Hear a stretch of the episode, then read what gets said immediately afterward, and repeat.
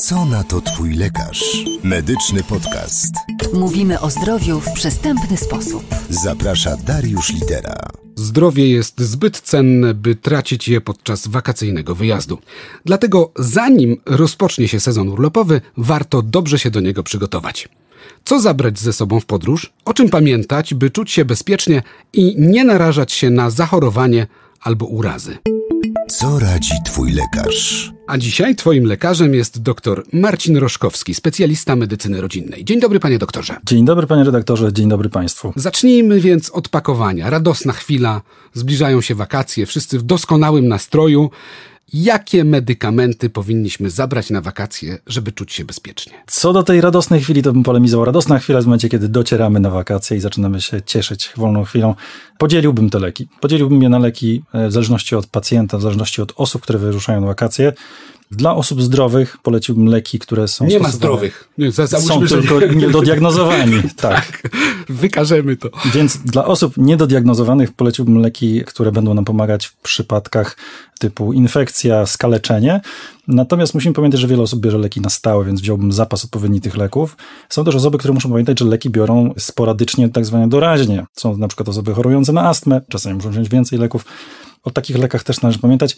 Do leków zaliczyłbym również środki medyczne stosowane przy zranieniach, oparzeniach, środki opatrunkowe, dezynfekujące. Czyli tak naprawdę wynika z tego, że powinniśmy zabrać ze sobą sporą apteczkę pierwszej pomocy. Albo pojemną kartę kredytową. Czyli wszystko można kupić na miejscu? Zakładamy? Zależy dokąd jedziemy, jak się przygotujemy, jak zaplanujemy. Najpierw wyjedźmy nad Bałtyk. Niech przyjdzie wspaniała pogoda, spakujmy rodzinę i pojedźmy nad ten Bałtyk, ale zakładając, że pamiętamy o naszych stale przyjmowanych lekach, to co pan doktor powiedział, i o takich medykamentach albo środkach opatrunkowych, które mogą nam się przydać, bo na przykład coś nadwyrężymy, będzie jakieś skaleczenie, czyli tutaj też będziemy zabezpieczeni.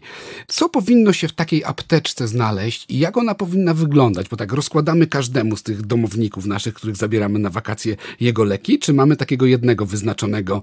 No u mnie małżonka pełni taką funkcję. Rzeczywiście, jak już wyjeżdżamy i jedziemy całą rodziną, no to wiadomo, ona wie, co i komu zaaplikować i stara się tego pilnować. Czy jednak, wysyłając na przykład na wakacje dzieci, czy my też wyposażamy je w taki zestaw? Czy musimy tutaj rozważyć zupełnie inne ewentualności? To są e, dwie absolutnie różne sytuacje. Pierwsza sytuacja, kiedy jedziemy sami, jest jedna osoba, która się tym zajmuje, najczęściej jest to małżonka, aczkolwiek no, u mnie, jako ja, że jestem lekarzem, więc ja o tym pilnuję. Mam pewną listę leków, które ze sobą zabieram. Ta lista też jest taka bardzo ogólna, więc może dotyczyć wszystkich podróżujących. Pakuję preparaty przede wszystkim z myślą o infekcjach, o infekcjach u siebie i o infekcjach u dzieci.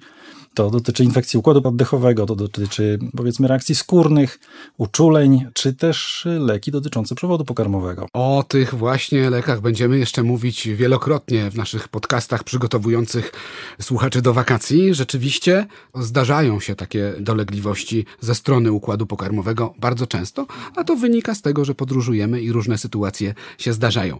Wróćmy jednak do tego, że pakujemy naszą apteczkę pierwszej pomocy. Czy powinniśmy jakoś zwrócić uwagę na sposób przechowywania tych leków? No przecież na zewnątrz będzie 30, a w samochodzie jak jedziemy nawet 35 stopni. Czy trzeba to jakoś specjalnie pakować? Z założenia leki ogólne można przechowywać do 25 stopni. No, nie spodziewam się, żebyśmy w dużo większych temperaturach przebywali. Nawet jeśli będziemy przebywać w 30 stopniach, te leki wytrzymają. One mają pewien zakres bezpieczeństwa. Są zazwyczaj w formie tabletek, tam tabletką nic się nie stanie, czy w formie proszków, to też jest ok, prawda? Czy zamkniętych preparatów. Także przechowywanie, owszem, z głową, natomiast na zasadzie po prostu intuicji, bym powiedział. Co na to Twój lekarz? Mówimy o zdrowiu w przystępny sposób. Zaprasza Dariusz Litera. Inna sprawa, jeśli mamy ze sobą osobę, która na przykład stale zażywa insulinę. Ludzie, którzy są diabetykami, wiedzą bardzo dobrze, jak należy się obchodzić z tym preparatem i jak powinien być przewożony. Więc tutaj zakładamy, że świadomość tych osób jest nieco wyższa niż statystycznego pacjenta. Oczywiście proszę do tych osób również zaliczyć, na przykład osoby o silnych alergiach, reakcjach anafilaktycznych, które muszą przewozić ze sobą adrenalinę w ampułkach strzykawkach. I to też musi być przechowywane w odpowiednich warunkach, prawda? Bo inaczej degraduje i jest bezużyteczne. Czyli ta adrenalina, którą możemy sobie wstrzyknąć w udo, powinna być przechowywana w niższej temperaturze i nigdy na słońcu. Tak. Absolutnie tak. Nie może być wystawiona na wysokie temperatury. Bardzo cenna uwaga, czyli wszyscy alergicy, którzy wożą ze sobą tego rodzaju sprzęt, powinni zadbać o odpowiednią temperaturę i odpowiedni sposób przewożenia tych preparatów. Moja dwunastoletnia córka na początek wakacji wyjeżdża na kolonię. I teraz jako rodzic mam pytanie do lekarza. O czym powinienem pamiętać, przygotowując ją do wyjazdu? To jest raz. I czy muszę jakoś przygotować też organizatorów tego wyjazdu, jeżeli dziecko ma specyficzne wymagania zdrowotne? Organizatorzy zazwyczaj zapewniają jakąś opiekę medyczną, czy to jest pielęgniarka, czy to jest dostęp do lekarza, czy to jest ratownik, z tego względu, że te osoby mają uprawnienie do podawania leków, nawet do podawania leków przeciwgorączkowych. Dwunastoletnia osoba, nastolatka, jest w miarę odpowiedzialną osobą, więc jak chodzi o pewne leki, można według własnego doświadczenia takiej osobie zaufać. Natomiast załóżmy, że absolutnie nie dajemy żadnych leków, wtedy musimy się upewnić, że na takiej kolonii czy na takim obozie będzie osoba, która ma kompetencje do podawania takich leków, prawda? Najprostsza sytuacja to jest gorączka, to są leki przeciwgorączkowe, ibuprofen czy tam paracetamol. Później ewentualnie to mogą być jakieś, powiedzmy, spreje do gardła, tabletki, czy syropy przeciwkaszlowe, czy zaopatrzenie skaleczeń, maść z antybiotykiem. To są takie rzeczy, no, których no, niekoniecznie damy małemu dziecku, prawda, na wyjazd. Trzeba porozmawiać z osobami organizującymi i przekazać im najlepiej pisemnie informacje na temat ewentualnych schorzeń, leków, dawek tych leków, pór przyjmowania tych leków, na temat alergii pokarmowych, alergii na inne substancje pokarmy, na jad błonkoskrzydłych.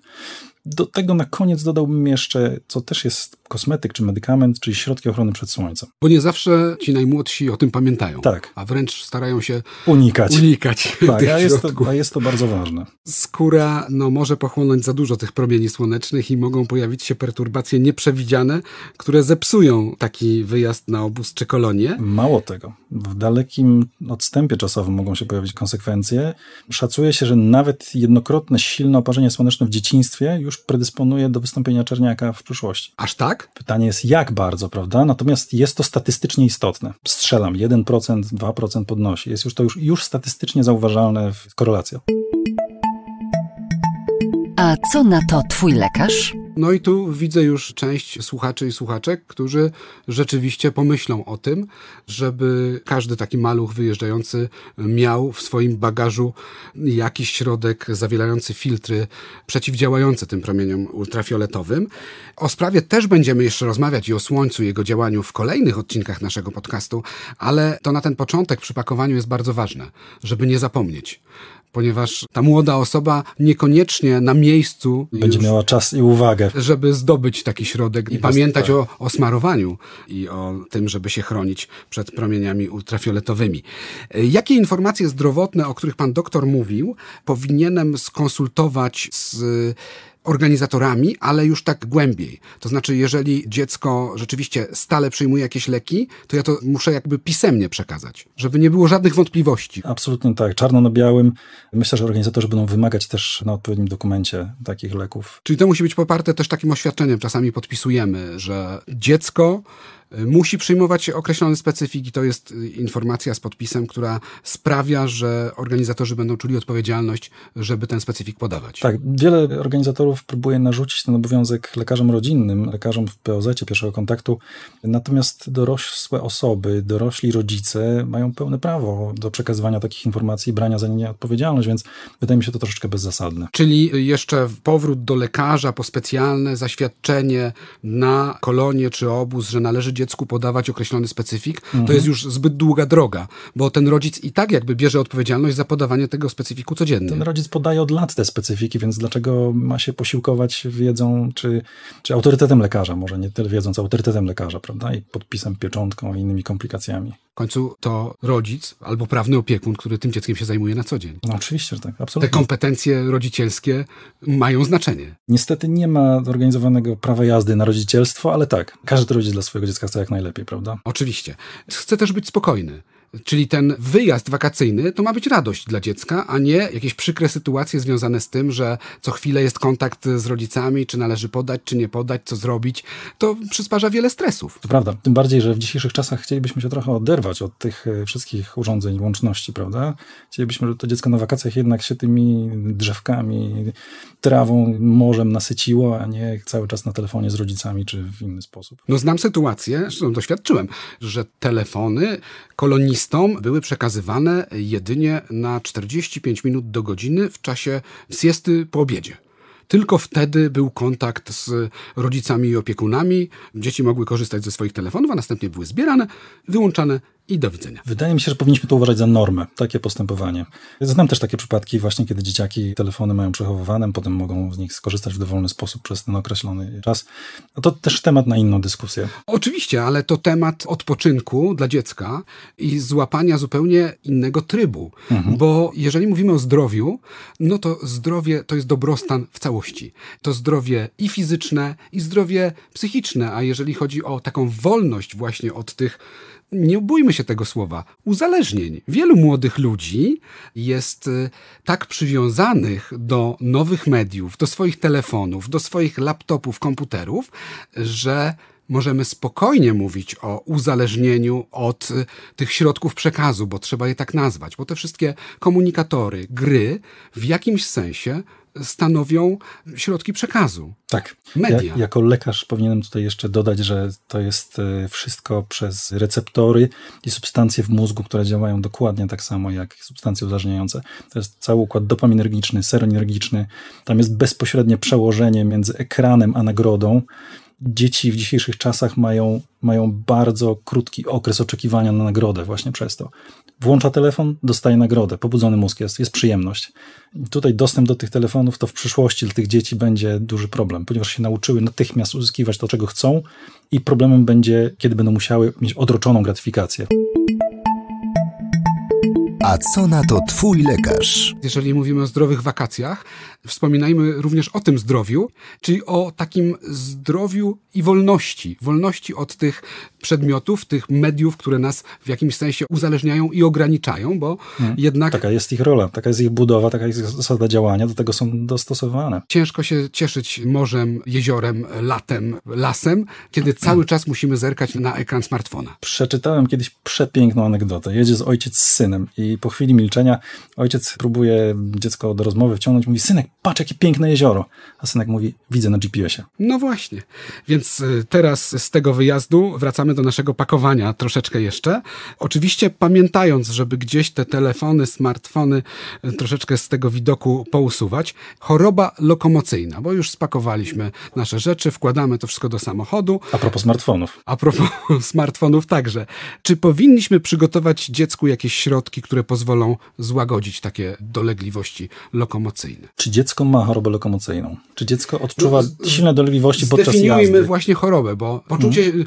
raz na jakiś czas jakichś tam nudności, czy mhm. jakichś lekkich zawrotów głowy, mhm. to chyba jeszcze nie jest choroba lokomocyjna. Moja krótka kariera żeglarstwa morskiego pokazała, że każdy będzie miał chorobę morską pod warunkiem, że będą dostatecznie duże fale. Myślę, że tak samo jest z samochodem. Każde dziecko może mieć chorobę lokomocyjną pod warunkiem, że będą dostatecznie intensywne zakręty i, i wpływ na błędnik, nie? Bo to chodzi o to, że tam jest rozgraniczenie między tym, co oczy widzą, co odczuwają e, proprioreceptory pszczoły głębokiego i to, co e, czuje błędnik, prawda? Czyli trochę się to rozjeżdża wszystko. Tak, to jest e, kwintesencja choroby lokomocyjnej. Takie dziecko na przykład w tej chwili strasznie modne są, zresztą słusznie oczywiście, te foteliki typu RWF, czyli foteliki, które są skierowane plecami do kierunku jazdy, a, a twarzą do, do tyłu samochodu.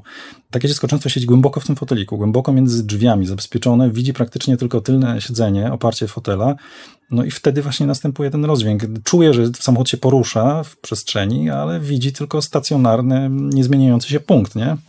Jeśli mamy dziecko, które cierpi na chorobę lokomocyjną, Trzeba też pamiętać, że maleńkie dzieci, które płaczą w samochodzie, mogą również cierpieć na chorobę lokomocyjną, nie muszą wymiotować, prawda? Mogą się też źle czuć podczas jazdy. Dobrze by było dziecko usadowić czy usadzić tak, żeby widziało więcej, żeby mogło wzrok skupić na jakimś odległym punkcie krajobrazu, prawda? Na takim, który w miarę się tam nie będzie ruszał, ale gdzie, gdzie całą cały horyzont będzie widzieć i będzie widzieć, jak to się zmienia. Nie wiem, czy mogę doradzić, no to jest takie trochę mniej bezpieczne, ale skuteczne posadzenie dziecka na przednim fotelu. Niestety są takie dzieci, które absolutnie nie są w stanie w żadnym innym miejscu wysiedzieć tylko przed nim fotel. I wytrzymać tej podróży samochodem. I, I wytrzymać, tak, bez y, sensacji żołądkowych, prawda? Więc ten przedni fotel. Nie dawać dziecku telefonu. Nikt się nie zajmuje telefonem. Możemy śpiewać, możemy puścić mu audiobooka w samochodzie, słuchać, prawda? Otóż to. Nie może fiksować wzroku blisko na grze, na książce, na smartfonie. Musi patrzeć na zewnątrz, odwrócić jego uwagę. No i dobrze by było, żeby siedział właśnie na tym przednim fotelu, który jednak tam mniej generuje objawów choroby lokomocyjnej. Co na to twój lekarz? Mówimy o zdrowiu w przystępny sposób. Zaprasza Dariusz Litera. Jeżeli mamy takiego delikwenta i wiadomo, że może pojawić się problem, to od razu organizujemy tak naszych pasażerów, żeby to miejsce z przodu dla tej osoby najbardziej narażonej było zarezerwowane. Musimy rozważyć za i przeciw, prawda, przedniego fotela. No i ostatnia rzecz, która jako lekarz y, muszę nadmienić, dochodzą do tego farmaceutyki, prawda? Dosyć dobrze się spisują leki, które są starego typu lekami przeciwuczuleniowymi. Ale one są na receptę. Tak. Każdy lekarz rodzinny myślę, że temat jest w stanie e, Ogarnąć. ogarnąć. Nie chciałem tego właśnie słowa używać, szukałem. Młodzież teraz bardzo wiele rzeczy ogarnia. Między, między innymi to słowo. Więc kumaty doktor musi to ogarnąć. Rozumiem. Czy trzeba to zażywać trochę wcześniej, czy wystarczy przed samą podróżą? 30-20 minut, to musi się wchłonąć. To są leki, które działają 6-8 godzin, więc no może tam 12, więc Podajemy i jesteśmy spokojni. Przed wyjazdem samym podajemy. przetestować na krótszym dystansie, bo może się okazać, że jednak dziecko będzie się gorzej czuło po leku niż bez leku. A tu nagle jesteśmy w trasie do Chorwacji, prawda? No, tych kilkanaście godzin czasami. W zależności od tego, jaką trasę wybierzemy i jak wielu rodaków będzie chciało tam pojechać w tym To samym prawda, czasie. To prawda. Albo 9 maja, jak wiele Czechów będzie podróżować. O, to też taka sytuacja może się pojawić. Więc y, plan podróży zakłada przygotowanie się także na chorobę lokomocyjną i na jeszcze jedną chorobę wstępnie się przygotujmy, ponieważ no wiadomo, wsiadamy, wysiadamy w różnych miejscach, te ręce brudne, a tutaj weź sobie kanapeczkę, biegunka podróżnych nagle nam się pojawi. Biegunka podróżnych to jest bardziej e, diagnoza zarezerwowana do objawów, które występują już podczas pobytu. Aha. Bardziej chodzi o to, że człowiek nauczył się podróżować na dalekie dystanse w krótkim czasie i zmienia całkowicie florę, w której przebywa. No i na przykład takie zwykłe bakteriki jelitowe, których my mamy 2 kg w naszym ciele, no to tam mogą się okazać troszeczkę inne i nasz organizm zareaguje panicznie na nie i może się pojawić biegunka. Oczywiście mogą się też pojawić e, patogeny, prawda? Mogą się pojawić wirusy, bakterie czy inne paskudztwa, które spowodują właśnie te dolegliwości nieprzyjemne. Ale w czasie tej podróży naszej też może jakaś choroba brudnych rąk nas dopaść. A jeszcze może po drodze zjemy jakiegoś loda, który się rozmroził i zamroził ponownie, więc mogą być też takie sytuacje. I tutaj też zabezpieczenie jakieś powinniśmy przygotować, jeśli chodzi o medykamenty. Myślę, że po pierwsze wiedza. Musimy wiedzieć, że w momencie, kiedy mamy jakieś tam delikatne dolegliwości, powiedzmy poniżej pępka, kiedy mamy wzdęcia, y, kiedy mamy ewentualnie jakieś kłucia no powyżej pępka, dochodzą do tego wypróżnienia uciążliwe, które są wodniste, które zaczynają być coraz częstsze, zwłaszcza powyżej trzech na dobę, to my już określamy jako biegunka podróżnych, prawda? I takie objawy trwają krótko, bo one trwają kilka dni. To powinna być sytuacja, kiedy te Kilka dni, czasami to jest połowa urlopu. Cóż mogę poradzić? Jeśli to objawy trwają kilka dni, to powiedzmy to jest biegunka podróżnych, prawda? Później już musimy się zastanowić, czy to nie jest jakaś inna infekcja. No tak, brudne ręce, ale także do tego dochodzi ta po prostu inna flora bakteryjna, prawda? Nie, nie, nie wydezynfekujemy każdego kawałka jedzenia, które mamy, każdej butelki, którą do ust przykładamy. To też są zakażenia przeniesione po prostu przez, tak jak możemy się zakazić, dolegliwości mieć w domu, tak samo możemy mieć za granicą czy gdzieś. Ciekawe, co na to twój lekarz. Kwestia jest jedna. Trzeba pewnie pamiętać o tym, że jeżeli pojawia się biegunka i jak sama nazwa wskazuje, biegamy kilka razy. Taki paradoks to jest, bo i rzadko, i często. I często, no właśnie, tak. Rzadko zdajemy sobie z tego sprawę, a często nam się to przytrafia. Jeżeli już dochodzi do takich sytuacji, pamiętamy o tym, żeby się nie odwodnić, czyli żeby nam się delikwent też, który choruje, a zajmujemy się nim na przykład, a jest młodocianym delikwentem, czyli nie ma zbyt wielkiej masy, ten bilans płynów może się szybko tam zmieniać. Dokładnie tak. Więc musimy mu podawać coś, co uzupełni te braki. Ja słyszałem, że bardzo dobre są te zwykłe takie preparaty, które po treningach często pijemy, jakieś izotoniki, takie rzeczy, żeby to podawać. To jest jedna z legend. Druga legenda jest taka, że Coca-Cola odgazowana. Izotoniki i Coca-Cola odgazowana niestety nie służą do nawadniania przy biegunkach. Do nawadniania przy biegunkach służy woda. Ewentualnie może to być woda rozcieńczona pół na pół z sokiem, gdzie też będzie cukier, ale nie będzie go tak dużo bardzo, prawda? Z sokiem owocowym. Dobrze? Przede wszystkim pamiętajmy, że to, czy dziecko jest nawodnione, oprócz stanu ogólnego, tego, że dziecko nie będzie tam podsypiające, czy w bardzo złym stanie, poznamy potem, kiedy dziecko siusia. Tutaj dziecko będzie siusiać co jakieś, no nie rzadziej, jak co 6 godzin. 8 godzin to jest taki okres krytyczny. Więc dziecko będzie siusiać sobie powiedzmy tam co 4-6 godzin, poznajemy, że jest dobrze nawodnione, no i ten mocz będzie tak zwany słomkowy, czyli będzie jasno-żółty, nie będzie taki ciemno-herbaciany, znaczy, że on jest odpowiednio rozcieńczony przez nerki, znaczy, że wody w organizmie jest dużo. Jeżeli jednak nie jest słomkowy, dowadniamy więcej do picia i dbamy o to, żeby jednak, mimo tego, że to jest woda lekko zabarwiona sokiem, żeby ona zniknęła z tego kubka. Tak, Czy... powolutku, po troszeczku. Jeśli dziecko ma bardzo intensywną biegunkę, to jest kilka łyżeczek co parę minut nawet. No i tutaj rzeczywiście trzeba się przyłożyć. Tak, z zegarkiem w ręku. Lekarz potrafi przewidzieć, ile dziecko musi wypić w jakim czasie, prawda? Natomiast rodzic bez wykształcenia medycznego niech po prostu podaje malutkie porcje, patrzy, ile dziecku podał i patrzy, ile dziecko wysiusiało. Jak często może, nie ile, jak często. To bardzo ważna wskazówka. Do tego rodzaju dolegliwości będziemy jeszcze wracać, ale teraz pytanie, czy przewidując, że może się coś takiego pojawić, powinniśmy przed wyjazdem poprosić naszego lekarza rodzinnego o wypisanie jakiejś recepty? Czy tutaj lekarz może nam pomóc przed wyjazdem? Zawsze zachodzi obawa, że pacjent nie do końca będzie znał sposób działania leku, działanie niepożądane tego leku, kiedy go zastosować, czego oczekiwać. Jest to ryzykowna sytuacja. Jestem raczej daleki od wypisywania recept pacjentom wyjeżdżającym. Raczej wolałbym, żeby się zaopatrzyli w te leki dostępne, tak zwane OTC, czyli leki bez recepty. I w razie czego, jeśli nie będą pewni, co dalej mają zrobić, żeby skorzystali z pomocy lekarza jednak na miejscu. Czyli z konsultacji już, gdy dojdzie do jakichś sytuacji groźnych. Tak, ja często rodzicom powtarzam, jeśli nie wiedzą, co mają zrobić, jeśli czują, że sytuacja przerasta ich doświadczenie, to niech się skonsultują z lekarzem. A teraz jest to też łatwiejsze, bo istnieje coś takiego jak teleporada, więc To jest świetne rozwiązanie dla ludzi podróżujących. Wielokrotnie rozmawiałem przez telefon. Panie doktorze, ja nie mogę teraz do pana przyjść, bo jestem w Lubinie ostatnio, na przykład w Lublinie, Lubinie, w Chorwacji, w Szkocji.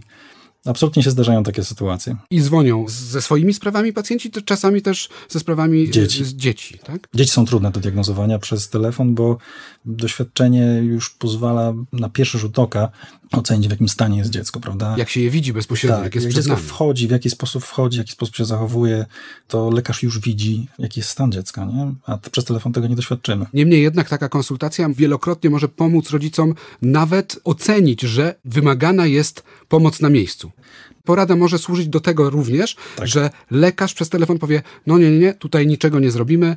Natychmiast proszę skontaktować się na miejscu z lekarzem, zasięgnąć pomocy. Tak, sam jestem rodzicem i wiem, jak można w takich sytuacjach czuć się zmieszanym i, nie móc podjąć decyzji. Czyli nie jesteśmy wtedy zdani sami na siebie, mamy wsparcie i dzięki temu kontaktowi możemy jakoś dalej radzić sobie z tym problemem. Tak. Do spraw nagłych zachorowań na wakacjach jeszcze wrócimy w podcaście Co na to Twój lekarz, a naszym gościem jest dr Marcin Roszkowski, specjalista medycyny rodzinnej. Dziękuję panie doktorze. Dziękuję, panie redaktorze, dziękuję państwu.